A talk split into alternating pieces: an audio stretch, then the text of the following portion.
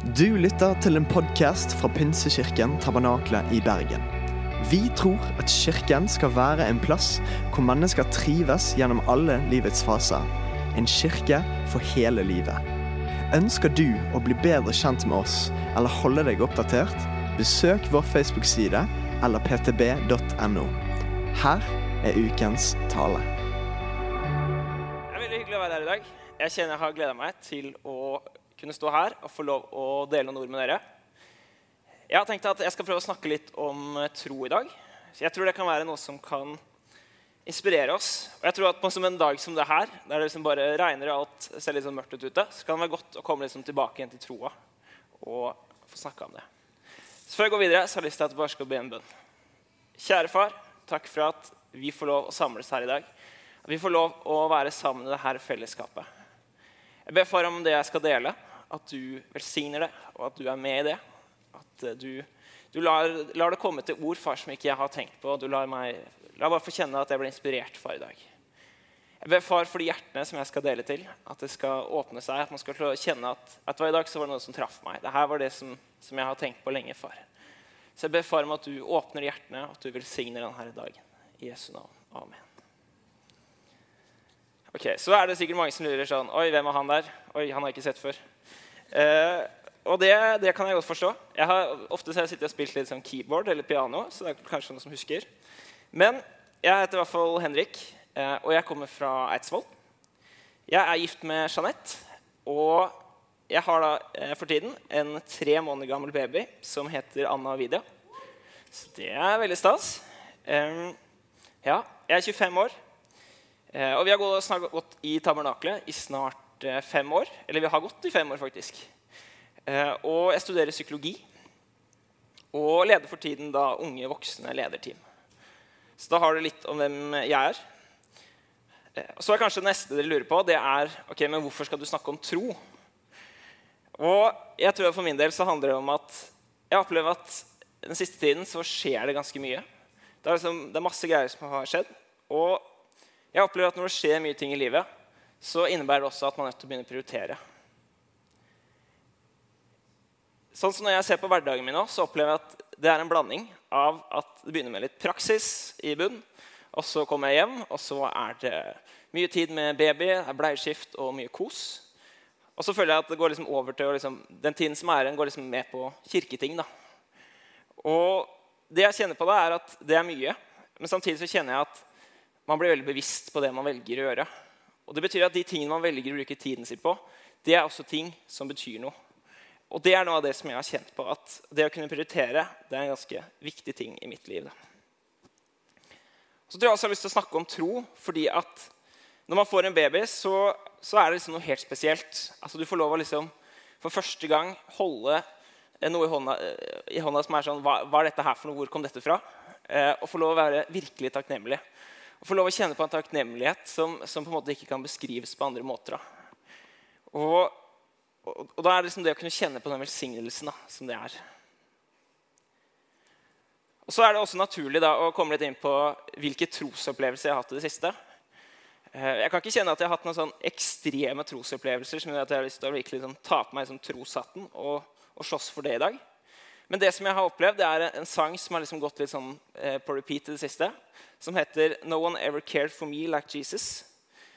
Eh, og på norsk da, så betyr det at ingen har noen gang brydd seg om meg sånn som Jesus. Og For meg så blir det en viktig ting. da. Og det er liksom noe som jeg merker at gradvis bare liksom stikker litt dypere og dypere hver gang man hører den sangen. At det er et eller annet som liksom pirker borti noe. Eh, noe som er viktig der. da. Fordi den sangen snakker om, er at på slutten av livet, når man liksom ser tilbake igjen på hvordan alt dette her var, da, så, så, prøver han å oppsummere med at det eneste som skulle bety noe for hun som synger den sangen, her, det er at Jesus var i midtpunktet. Det er at du ser tilbake igjen at gleden hennes i livet, det var Jesus. Eh, og For meg så er det veldig inspirerende å kunne, kunne ha det sånn og merke at det er et eller annet den treffer. Så jeg håper den treffer dere òg. Og så tror jeg også at man, man nå kommer fra sommeren og inn mot høsten, så kan man kjenne på at Jeg merker i hvert fall for min del at I sommer så var det litt sånn at du, du starter opp, og så er det sånn ok, nå, nå har jeg liksom fått roende ting. lagt Ikke noe mer eksamener. og alt sånt, Nå skal jeg liksom virkelig liksom skjerpe meg. Og så skal jeg ta liksom en sånn skikkelig sånn, eh, sånn trosmaraton. Jeg skal lese Bibelen og masse bøker, og jeg skal be. og liksom virkelig få på plass det her med troa. Og så kommer liksom sommeren litt sånn eh, underveis. Det blir liksom bading, mye familie og alt sånn. Og så til slutt så sitter man igjen og så er det, ok, nei, nå begynner høsten. ja.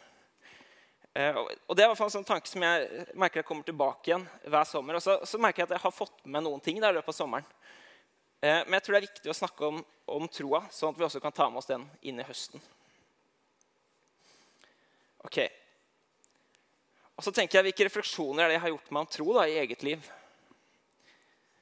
For meg så ser jeg på tro som noe, noe som både liksom ligger fast, men noe som også går i bølger. Jeg er med i en life-gruppe, og jeg opplever at i life-gruppa kan jeg få lov å komme begge deler. Jeg kan få lov å komme på, på begge typer dager. Og Noen dager så kommer jeg til, på Life og så tenker jeg sånn, veldig sånn ekstase og formidler at ok, nå har jeg skjønt det. Nå fins det bare én vei herfra. Og det er med Jesus. Det kan være noe et eller annet jeg har lest, et eller annet jeg har opplevd, eh, eller noe som bare må fram. da. Mens andre ganger så, så kan jeg bli litt mer sånn eh, Eh, passiv-aggressiv når jeg kommer på, på Life. At du kommer til denne delen sånn, ja, Fortell litt om troslivet denne uka. her, og så, og så, blir du sittende igjen med en sånn derre Hvorfor spør du meg om det? Jeg kan du ikke spørre noen andre steder. Ikke sant? At du, liksom, du, bare går i forsvar. da, ikke sant? At så kommer en sånn anklage oppleves som at hvorfor har du ikke vært mer i det her? da? Hvorfor er ikke dette som betyr noe? Eh, men jeg opplever at begge disse tingene det er det plass til. Eh, og det er noe jeg setter veldig pris på med å, med å ha en gruppe der man kan få lov å snakke om tro. Og noe jeg virkelig oppfordrer til. da. Ok, så hvorfor, jeg, hvorfor, vil jeg formidle det her? da? Hvorfor vil jeg formidle noe om tro? Og jeg tror det kommer litt tilbake igjen til det at ettersom dagene mine de har blitt ganske endra det siste. Og det innebærer mye prioriteringer. Og jeg tror at det å måtte prioritere det gjør at man også blir bevisst på hva man faktisk tror på, og hvilken plass som jeg ønsker å gi dette livet mitt. Og så er det litt sånn at Jeg tror at dette gjelder flere enn bare meg. Og det er derfor jeg velger å dele det. Jeg tror at livet svinger og det er noe jeg har fått lov å oppleve. Min erfaring er at når ting er på sitt vanskeligste, da er det vanskelig å begynne å sette ord på troen sin. Og kanskje enda vanskeligere er det i denne vanskelige stunden å skulle begynne å utforme hva den troen egentlig består av.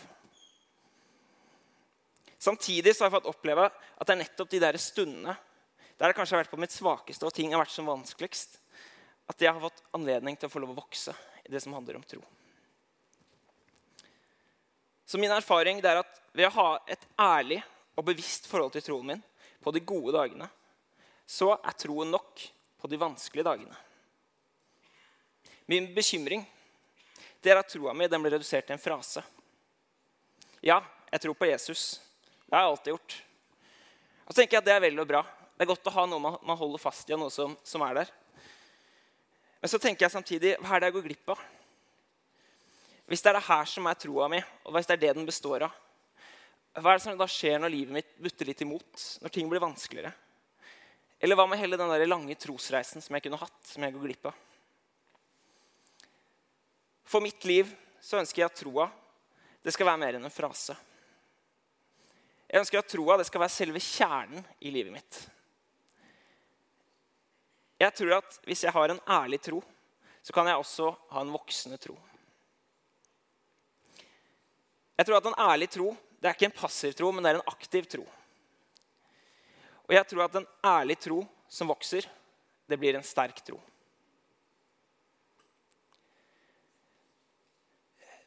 Min bekymring når jeg går inn i det her, er at, at eh, jeg er redd for at vi kan skape en kultur der det her å ha en liksom synlig og liksom sterk og liksom sånn robust tro, det er det som blir verdsatt. Og så er jeg redd for at liksom tvilen som vi kan gå og bære på, den kan bli liksom bagatellisert. Bli liksom lagt litt sånn bak der. da. Og så håper jeg dere kan forstå meg rett. Altså Jeg ønsker at vi skal være et fellesskap som preges av en tydelig og en robust tro. Samtidig så er jeg litt opptatt at dette må ikke gå på bekostning eh, av eh, dette må ikke på bekostning av den ærligheten som vi kan ha i troen vår. Jeg tror at det er bedre at vi er et fellesskap med litt tro enn et fellesskap som bærer en falsk tro. Min påstand i dag er derfor at for å ha en levende tro som varer hele livet, så må vi være ærlige og bevisste rundt hva vi tror. Fra det utgangspunktet så kan troen få lov å vokse i en tett relasjon med Jesus, der Den hellige ånd får virke som en kilde til troen vår. Ok. Eh, jeg merker at Det kan være greit å komme sånn tilbake til hva er det egentlig tro betyr. for noe. Jeg føler at har jeg bare kasta ut tro. Jeg har sikkert satt tro 20-30 ganger hittil. Så jeg prøvde å finne en definisjon på det. Og Da begynte jeg med Store norske leksikon. Og Da står det tro er en oppfatning, formodning, antakelse eller tanke. Både i filosofi og i dagligtale brukes tro først og fremst for å tilskrive noen en oppfatning som de tar for å være sann. Så her er det liksom, Man tenker et, et, eller annet, og så får man et eller annet som man tenker at ok, dette kan være sant. Det er det som Store norske leksikon sier. Så står det videre i Hebreerne 11.1, som, som er i Bibelen så kommer det en, andre, en, annen definisjon på tro. Og Da står det at tro det er full tillit til det en håper på. Overbevisning om det en ikke ser. Jeg tror det er mye man kunne trekke fra, men det er to ting som jeg spesielt tenker på. Og Det ene det er at tro det er en tillitshandling. Full tillit det er ikke noe som vi kan presse fram eller prestere. Tillit det er noe som erfares. Og det henger sammen med tidligere erfaringer som vi har. Hvis det er vanskelig for deg å vise tillit til mennesker, så er det antagelig vanskelig for deg eh, er det vanskeligere for deg å tro. Og jeg tenker det også, Derfor er det viktig at vår evne til å tro den er ikke lik. Og Det må heller ikke være, bli noe sånn at tro blir en slags konkurranse. For når vi ikke stiller, har de samme greiene, så kan vi heller ikke sammenligne oss. Jeg tror heller ikke tro er ment for å skulle sammenlignes. Og så vil jeg også se på en sammenheng, og det er mellom tro og håp. På en måte så er tro og håp veldig nært hverandre. Og Hva er det som egentlig er forskjellen mellom det å tro og det å håpe?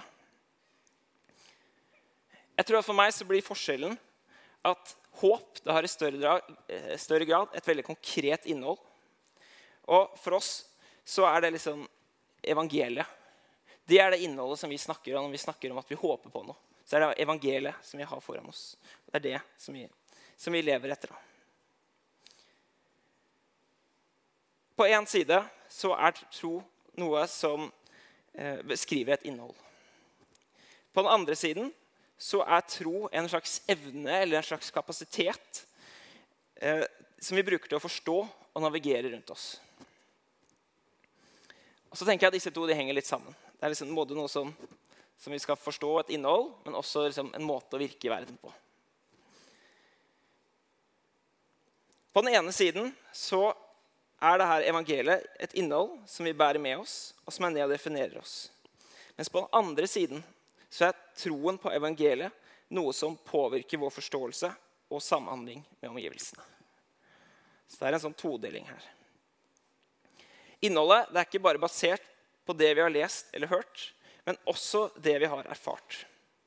Også På den måten vil vår forståelse og samhandling med omgivelsene endre seg etter hvert som vi erfarer. Ok, Det var mye greier. Men, men, hva er det egentlig det her vil si for oss? da? Hva er det jeg prøver å, liksom, å få fram? Jeg tror det jeg prøver å få fram her, det er at troen vår den kan endre seg uten at vi selv er klar over det. Og noen ganger så er det litt sånn at, eh, at, på, at de her erfaringene som endrer troen vår, det kan være på grunnlag av det kan være gode grunner. Det kan være gode erfaringer med Jesus. Og Vi kan oppleve at vi får en sånn styrke av tro. At vi kan få, få, oppleve at vi ber for folk. Og så får vi se at ok, her skjer en helbredelse. Eller vi får lov å kjenne at vet du hva, det her var en vanskelig stund, og så opplever vi at, at Jesus bare fylte rommet. Altså Det er de her gode erfaringene som, som styrer vår tro. Men så tror jeg også det er viktig å være ærlig på at noen ganger er det også de vanskelige erfaringene som, som styrer troa vår. Og For noen skal dette her være en vanskelig periode eh, der man har, kan ha kjent på et eller annet slags svik fra Gud. Mens for andre så kan det være at det bare ikke har skjedd noen erfaringer på en stund. Jeg tror alle disse type erfaringene er ting som vi må være bevisste på at påvirker vår tro, og som vi vil bære med oss. Og Så tror jeg at samme hva erfaringen er, så preger den trolig hva troen din inneholder. Det er viktig. Det er viktig å forsøke å bli visst på hva som har blitt en del av den. Kanskje har troen blitt påvirket på måter du ikke var klar over. Og det er tid for å bli bevisst på dette.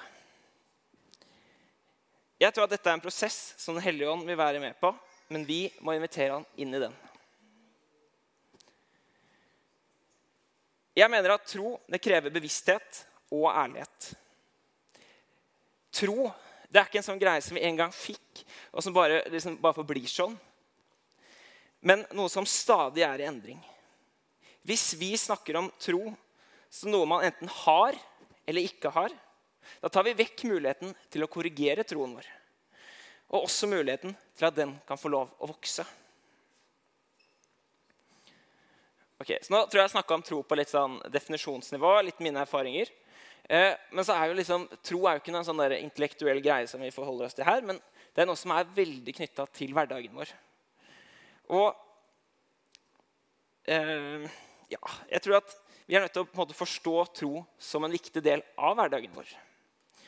Og så ser jeg for meg, Når jeg ser på mitt eget liv, da, så ser jeg for meg at det får litt sånn to ytterpunkter. Og så tror jeg at vi ofte er sånn balansert et sted imellom. Jeg tror På den ene siden da, i hvert fall i mitt liv, så kan jeg oppleve at vi kan leve et liv der tro liksom bare er en del av livet vårt. Vi er klar over at vi har en tro, men den har liksom litt sitt eget liv. Og så henter vi den fram litt sånn som det passer oss. Um, livet er ikke sånn veldig prega av at vi er troende, men, og, det, og, det, kan som regel føles ganske sånn komfortabelt i et sånt liv. Og så kan jeg føle litt sånn bunnpunkt på en måte, men så føler jeg på andre siden så kan jeg kjenne at jeg har liksom et høydepunkt for min del. og det er på at man på andre siden lever et liv der det oppleves som at troen er liksom selve kjernen i livene våre. Og så kjenner vi alltid en trang til å være bunn, og vi ser ingen annen mening med dette livet. Jo mer input om Jesus og jo mer tid med Jesus, jo bedre. Det oppleves ikke som det finnes noen grenser for hva troen vår kan bære. Vi har jo med oss Gud. Og For meg så blir det tydelig at okay, begge disse her to de finner jeg i hverdagen min. Jeg kan kjenne at når, når ting er, liksom, eh, vanskelig og når, når, det bare skjer masse greier, så er det lett å bare havne på den, den første stedet. Så kan jeg likevel kjenne når jeg er på leir eller når jeg liksom har liksom overskudd, eller et annet, så kan jeg kjenne at ok, det er de høydepunktene som jeg er på. Det er kanskje der jeg føler jeg er nærmest. Altså jeg tror at De punktene her er litt sånn som jeg skisserer dem fra min hverdag. Og så tror jeg det kan se litt annerledes ut i deres. Og jeg tror jeg er lurt å bli bevisst på hva, hvordan ser disse ut. Fordi jeg tror vi må akseptere at begge disse punktene de finner vi i vår hverdag. De finner vi i vår tro. Men det jeg vil oppfordre til, er at hvis vi er bevisste på, hva, på hvordan disse ser ut, så kan vi også påvirke hvordan vi ønsker at disse skal se ut. og hvordan disse skal være, og Vi kan få lov å forme troa vår.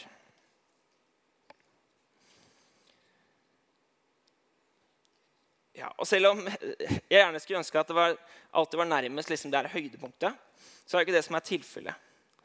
Og Samtidig så vet jeg at uh, i hverdagen min så tillater man ikke at det alltid kan være sånn. At det er på det høydepunktet.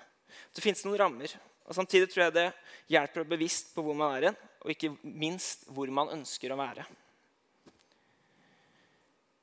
Ved å være bevisst på hvordan det står til med troen, tror jeg altså vi kan ta valg som bringer oss nærmere høydepunktene. Som jeg var inne på, så handler tro om tillit. Hvis vi er villige til å vise Gud tillit ved å tro, så vil han møte oss på dette. Jeg tror at Jo mer vi forsøker å leve nært til eksempel tro, jo lettere blir det. Og så vil jeg understreke at tro det henger sammen med håp. Hvis vi ikke forstår hvor mye vi tror, så kan vi heller ikke forstå hvor mye vi kan håpe. Og hvis ikke vi selv kan håpe, så kan vi heller ikke bringe håp til andre.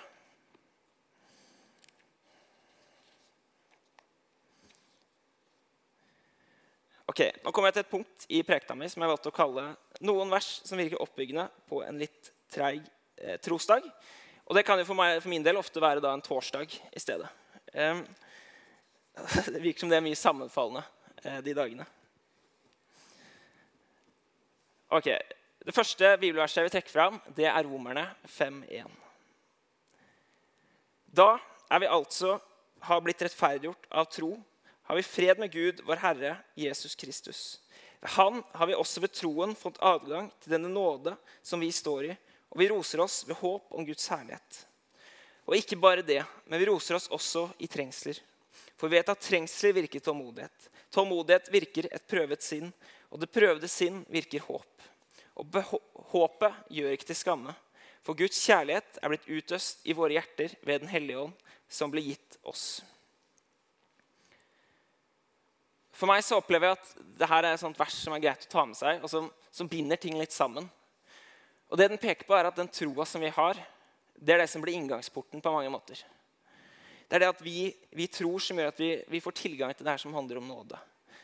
Og, og, det er på en måte, det er troen som vi kan bære med oss. Det er troen som, som vi kan se som, i de her trengslene. Og det er tro som gjør at vi får det her eh, At vi blir testa. Vi prøvd, prøvd å på en måte kjenne at Den hellige ånd er med oss. Så er det et vers eh, til som jeg har lyst til å trekke fram. Og det er Efeserne 2, eh, 8-10. Og Da står det For ved nåde er dere frelst ved troen. Og det er ikke av dere selv, det er Guds gave. Jeg har lyst til å minne oss om at, at troen det er det som er viktig her. Det er troen som blir, blir inngangsporten til nåde. Det er det som frelser oss. Og jeg tror Derfor det er viktig at vi, vi blir bevisste på hvilken tro vi faktisk har. Og hvordan vi, og komme tilbake igjen til det punktet, sånn at vi kan få lov til å ta del i det som troen gir oss. Ok, Så jeg har lyst til å snakke litt om noen troshelter som jeg tror jeg kan, kan vise oss litt av hvordan det kan se ut. Den første jeg har lyst til å se på, det er Gideon. Og Det finner vi i Dommernes bok. Så jeg leser fra nei, kapittel 6, fra vers 38. Så sa Gideon til Gud.: Hvis du vil frelse Israel ved min hånd, slik du har sagt, se, da legger jeg denne ullfellen på treskeplassen. Hvis det er dugg bare på ullfellen, og det er tørt overalt på marken, da vet jeg at du vil frelse Israel ved min hånd, slik du har sagt. Og slik skjedde det. Da han sto opp neste morgen og klemte på ullfellen, krystet han dugg ut av ullfellen. En hel skål full av vann. Da sa Gideon til Gud.: La ikke din vrede bli opptent mot meg, men la meg tale bare én gang til. Jeg ber deg, La meg prøve bare én gang til med ullfellen. La nå bare ullfellen være tørr, men la det være dugg overalt på marken. Og Gud gjorde det slik den natten. Bare ullfellen var tørr, men det var dugg overalt på marken. Jeg synes Det er litt sånn fascinerende historie. Fordi jeg husker Første gang jeg leste om Gideon, så tenkte jeg at det her er en av de, de figurene i Bibelen som har litt for lite tro. At han liksom begynner en gang, og så er han sånn eh, 'Jeg skal gjøre dette for deg, Gud, men eh, du må liksom bare gi meg tegn, da, så kan jeg gå og kan jeg ordne det. Det, det går fint.' Eh, men så er det liksom ikke nok at han får ett tegn. Han må ha det en gang til, og så må ha det motsatt. Han må liksom ha bekrefta at dette var ikke tilfeldig. Dette, dette er sånn det er. Og jeg synes det er morsomt, fordi Gud han sier ok, men da gjør vi det sånn. Men så syns jeg det fascinerende er at hva er det Gud fortsetter med? Altså Når vi har da en person som liksom, han klarer ikke å vise så veldig mye tro. Men det, det, Gud tar han med på, det er å si at vet du hva, da får du sende av gårde de 22 000 soldatene. For det var litt få i utgangspunktet. Og så sier han en gang til at nei, men send 10 000 til vekk. Og til slutt så står jo Gideon han står igjen med 300 soldater. Og det som skjer, er at han vinner denne kampen. Og det som jeg synes er så fascinerende, som vi kan ta lærdom av her, det er at det som Gideon tilsynelatende virker ok, du har ikke noe tro. Det er liksom det som vi får inntrykk av. Men, men det, som, det, han gjør, er å være ærlig med Gud. Og så sier han dette er det jeg har tro for. Og så når Gud da viser ham, så sier han ja, nei, jeg har, ikke, jeg har ikke så mye tro likevel. Så, så, jeg må på en måte, det er her jeg er. Og så får han liksom lov å korrigere det her. da. Og så syns jeg det er fascinerende hva Gud gjør etterpå. Fordi Gud sier ikke nei, men da har du så lite tro, så da kan vi ikke fortsette på det prosjektet. her på en måte. Men, men det han sier, er at ok, nå, nå, er vi på samme sted. Nå har jeg forstått hvor du har troen din. Jeg har forstått, Du har vært ærlig med meg. Og så han, sier Gud da ok, da sender vi bort de soldatene. Og så er det en troshandling som får lov å skje. da. Og så skjer det her igjen, og vi får lov å se hvordan Gideon går fra å være en sånn type som på en måte, Han hadde ikke nok tro til å virkelig være en av de store trosheltene som vi kan lese om. Tilsvarende så, jo, eh, tilsvarende så er det vanskelig å snakke om tro uten å snakke om Peter på vannet. Så jeg har tenkt å ta med litt om han også. Ok, Da kan vi lese i Matteus 14, vers 22-31. Straks fikk Jesus disiplene sine til å gå i båten og dra foran han til den andre siden, mens han sendte folkeskarene av sted. Og da han hadde sendt dem av sted, gikk han opp i fjellet for å være for seg selv og be. Og da kvelden kom, var han alene der. Båten var nå midt ute på sjøen og ble kastet hit og dit av bølgene, for det var motvind. Men i den fjerde nattevakt kom Jesus til dem gående på sjøen. Da disiplene så han komme gående på sjøen, ble de forskrekket og skrek av redsel. Det er et spøkelse. Men straks talte Jesus til dem og sa, Vær ved godt mot. Det er meg. Ikke vær redde. Peter svarte han, Herre, hvis det er deg, så be meg komme til deg på vannet. Han sa, Kom. Da Peter var kommet ut av båten, gikk han bortover vannet for å komme til Jesus. Men da han så at vinden var så kraftig, ble han redd og begynte å synke og ropte, 'Herre, frels meg.' Straks rakte Jesus ut hånden og grep han og sa til ham, 'Du lite troende, hvorfor tvilte du?' Da de kom opp i båten, stilnet vinden. De som var i båten, kom da og tilba han og sa, 'Sannelig, du er Guds sønn.'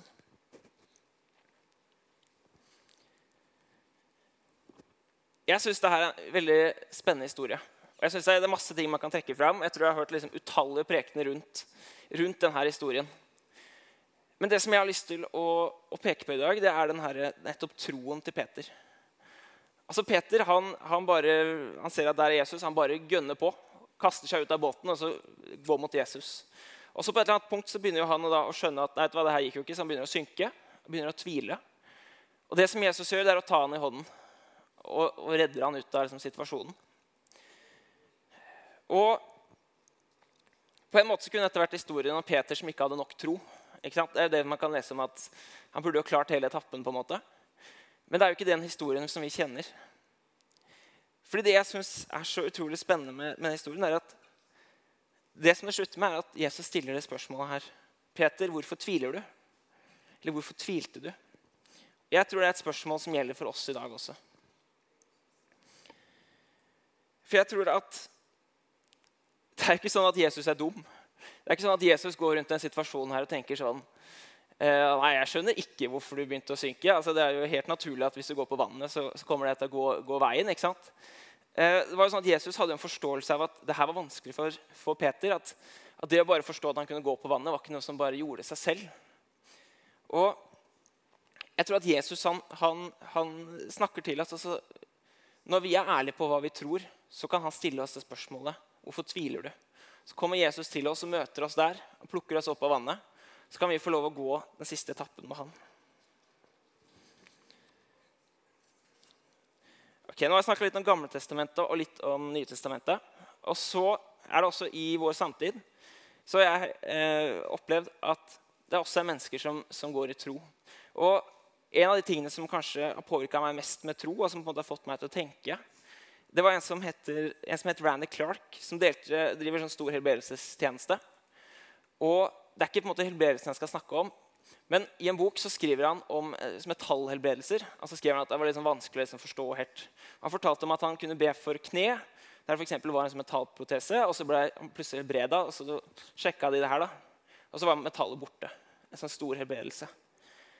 Og så, så, er jo Det fascinerende her at det var ikke liksom bare en helbredelse, men han opplevde at når han har kommet til sånne store, store sånne masse, masse mennesker, så opplevde han at Gud spurte han, hvor mange har du tro for. Og så opplevde han at Hvis han da sa da, at ok, det er 43 stykker jeg tror kan bli helbreda i dag, så opplevde han da at da var det 43 som ble helbreda. Og så var det ikke sånn at han bare kunne si et tall. Det hadde vært veldig greit om han bare kunne si 200. Men det han opplevde var at Gud utfordra han og ba ham på en måte lytte. Hva er, det jeg, hva er det du har tro for at jeg kan gjøre? Og så tror jeg Det er noe, en god lærdom i det. For det handler ikke om at vi skal, vi skal strekke oss og kaste ut at vi har så ekstremt stor tro. Men jeg tror det handler om at vi skal tørre å være ærlige på den troa vi har. Og så kan Jesus og, og Den hellige ånd da få lov å bruke den. Jeg har lyst til å minne om Matteus 17, 20b. Da står det Hvis dere har tro som et sennepsfrø, kan dere si til dette fjellet, flytt deg herfra til dit, og det skal flytte seg. Og ingenting skal være umulig for dere. Jeg syns det er et så, fint, et så fint vers, fordi det minner oss litt om at det er ikke det at troa vår skal se så stor ut, eller at skal, det er noe vi skal prestere eller noe vi skal få til, men, men det handler om liksom den lille troa som vi tar med oss til Jesus. Det er den lille troa som vi tør å være ærlige med at dette er det jeg har tro for. Det er her vi kan begynne å jobbe. Og så, og så tar Jesus oss med på den vandringen. Så jeg tror at det er viktig at vi er ærlige med, med troen vår. Jeg tror det er viktig at vi er ærlige med troen vår, fordi det er troen som gir oss adgang til nåden. Det er troen som lar oss håpe på det som ligger foran. Det er troen som lar oss bringe håp til mennesker. Det er troen som lar oss ta del i Guds rike. Det er troen som frelser, og det er troen som setter mennesket fri. Det er troen som forandrer oss fra innsiden og ut. Så hva betyr det her for oss, da? Jeg tror det her betyr at vi er nødt til å være ærlige. Ærlige og bevisste på hva vi tror. Og så tror jeg ikke at det her betyr at vi ikke skal våge å tro for større ting. Jeg tror vi skal tørre å gjøre som Peter og prøve oss ut på vannet. Men det jeg sier, er at er, troen er ikke noe vi skal prestere eller noe vi skal forfalske for andre mennesker rundt oss. Men vi skal la troa være nok for at Gud kan bruke den. Jeg tror at tro det er en tillitsøvelse og ikke en prestasjon. Så vil jeg lese et vers fra Johannes 14, 12-14. Sannelig, sannelig, sier jeg dere. Den som tror på meg, han skal gjøre de gjerningene jeg gjør. Han skal gjøre større gjerninger enn disse, for jeg går til min far. Hva som helst som dere ber om i mitt navn, det skal jeg gjøre. Så Faderen skal bli herliggjort i Sønnen. Dersom dere ber om noe i mitt navn, skal jeg gjøre det. Jeg syns dette er et mektig vers. For det sier noe om at hvis vi bare tror altså Den troen vi har, den, den, er, så, den er kalt til så mye større. Det er så store, store ting som kan skje hvis vi bare våger å tro. Og jeg tror at Den troen starter med at vi er ærlige på hva vi faktisk tror. Og så tror jeg vi kan få lov å se og få lov å vandre med Gud til noe større. Og jeg tror at Hvis vi i dag kan få lov å liksom bare kjenne og komme litt tilbake igjen i oss selv og få lov å kjenne at ok, dette er det jeg har tro for, så tror jeg vi kan se en forandring om ikke lang tid. Vi kan få lov å se at, at det er et eller annet som, som virkelig, virkelig skjer i menigheten vår. Jeg tror at Hvis vi er et fellesskap det er tro, det er mer enn, mer enn noe kulturelt, men det er noe som er personlig, så vi merker at Gud han gjør ting sammen med oss i våre liv som er større enn vi våget å håpe på. Jeg tror at For å kunne, kunne navigere oss mot et liv fullt av en ærlig tro, så hjelper det å være ærlig på hvilken rolle troa skal ha i vårt liv. Og så opplever jeg at det her det er så stort. Det er så stort hvis vi bare kommer tilbake igjen til troa vår. Det er på en måte ikke noen grenser for hva vår tro kan gjøre. Eh, og så har jeg lyst til å nå gå inn igjen i en, eh, en sang som, som, jeg var inne på starten her. Denne sangen handler jo da liksom om om hvordan Den bare peker tilbake på at livet vårt Når vi er ferdig med å leve det livet her, hva er det vi ser tilbake igjen på? Hva er det som betydde noe? Og For min del så var det det som begynte å sette i gang ting. Det var det som begynte å pirke borti troa mi. Begynte å, hva er det jeg egentlig tror på? Hva er det jeg velger å prioritere? Hvordan er det dette her ser ut? Og Så håper jeg at det her er noe som kan, kan treffe dere på samme måten. Og la dere hjelpe dere å komme litt sånn tilbake igjen til, til kjernen av det vi tror på. Og virkelig ta et, et oppgjør med Har jeg en ærlig tro, og er jeg bevisst på det jeg tror på? Så det er min oppfordring til dere når, eh, når vi skal få høre en, en sang her. Bare bli sittende eh, Nyt sangen og bare la, la, den sette i gang tanker. Og la den få lov å kjenne at dere kan komme tilbake igjen til, til Jesus. Da, og til det, den troen dere hadde.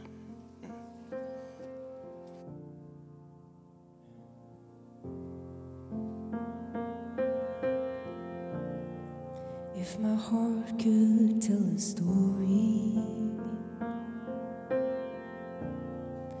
If my life would sing a song If I have a testimony, if I have anything at all,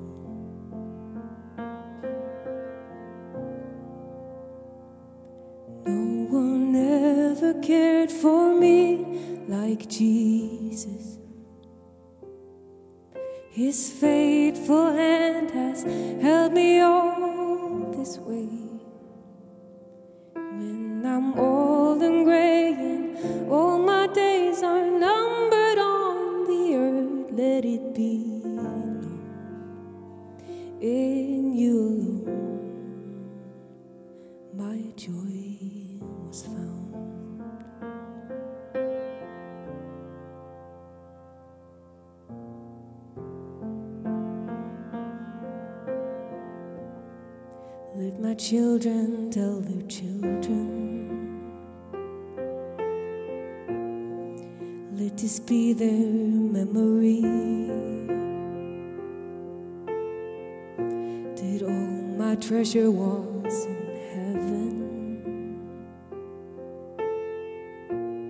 You were everything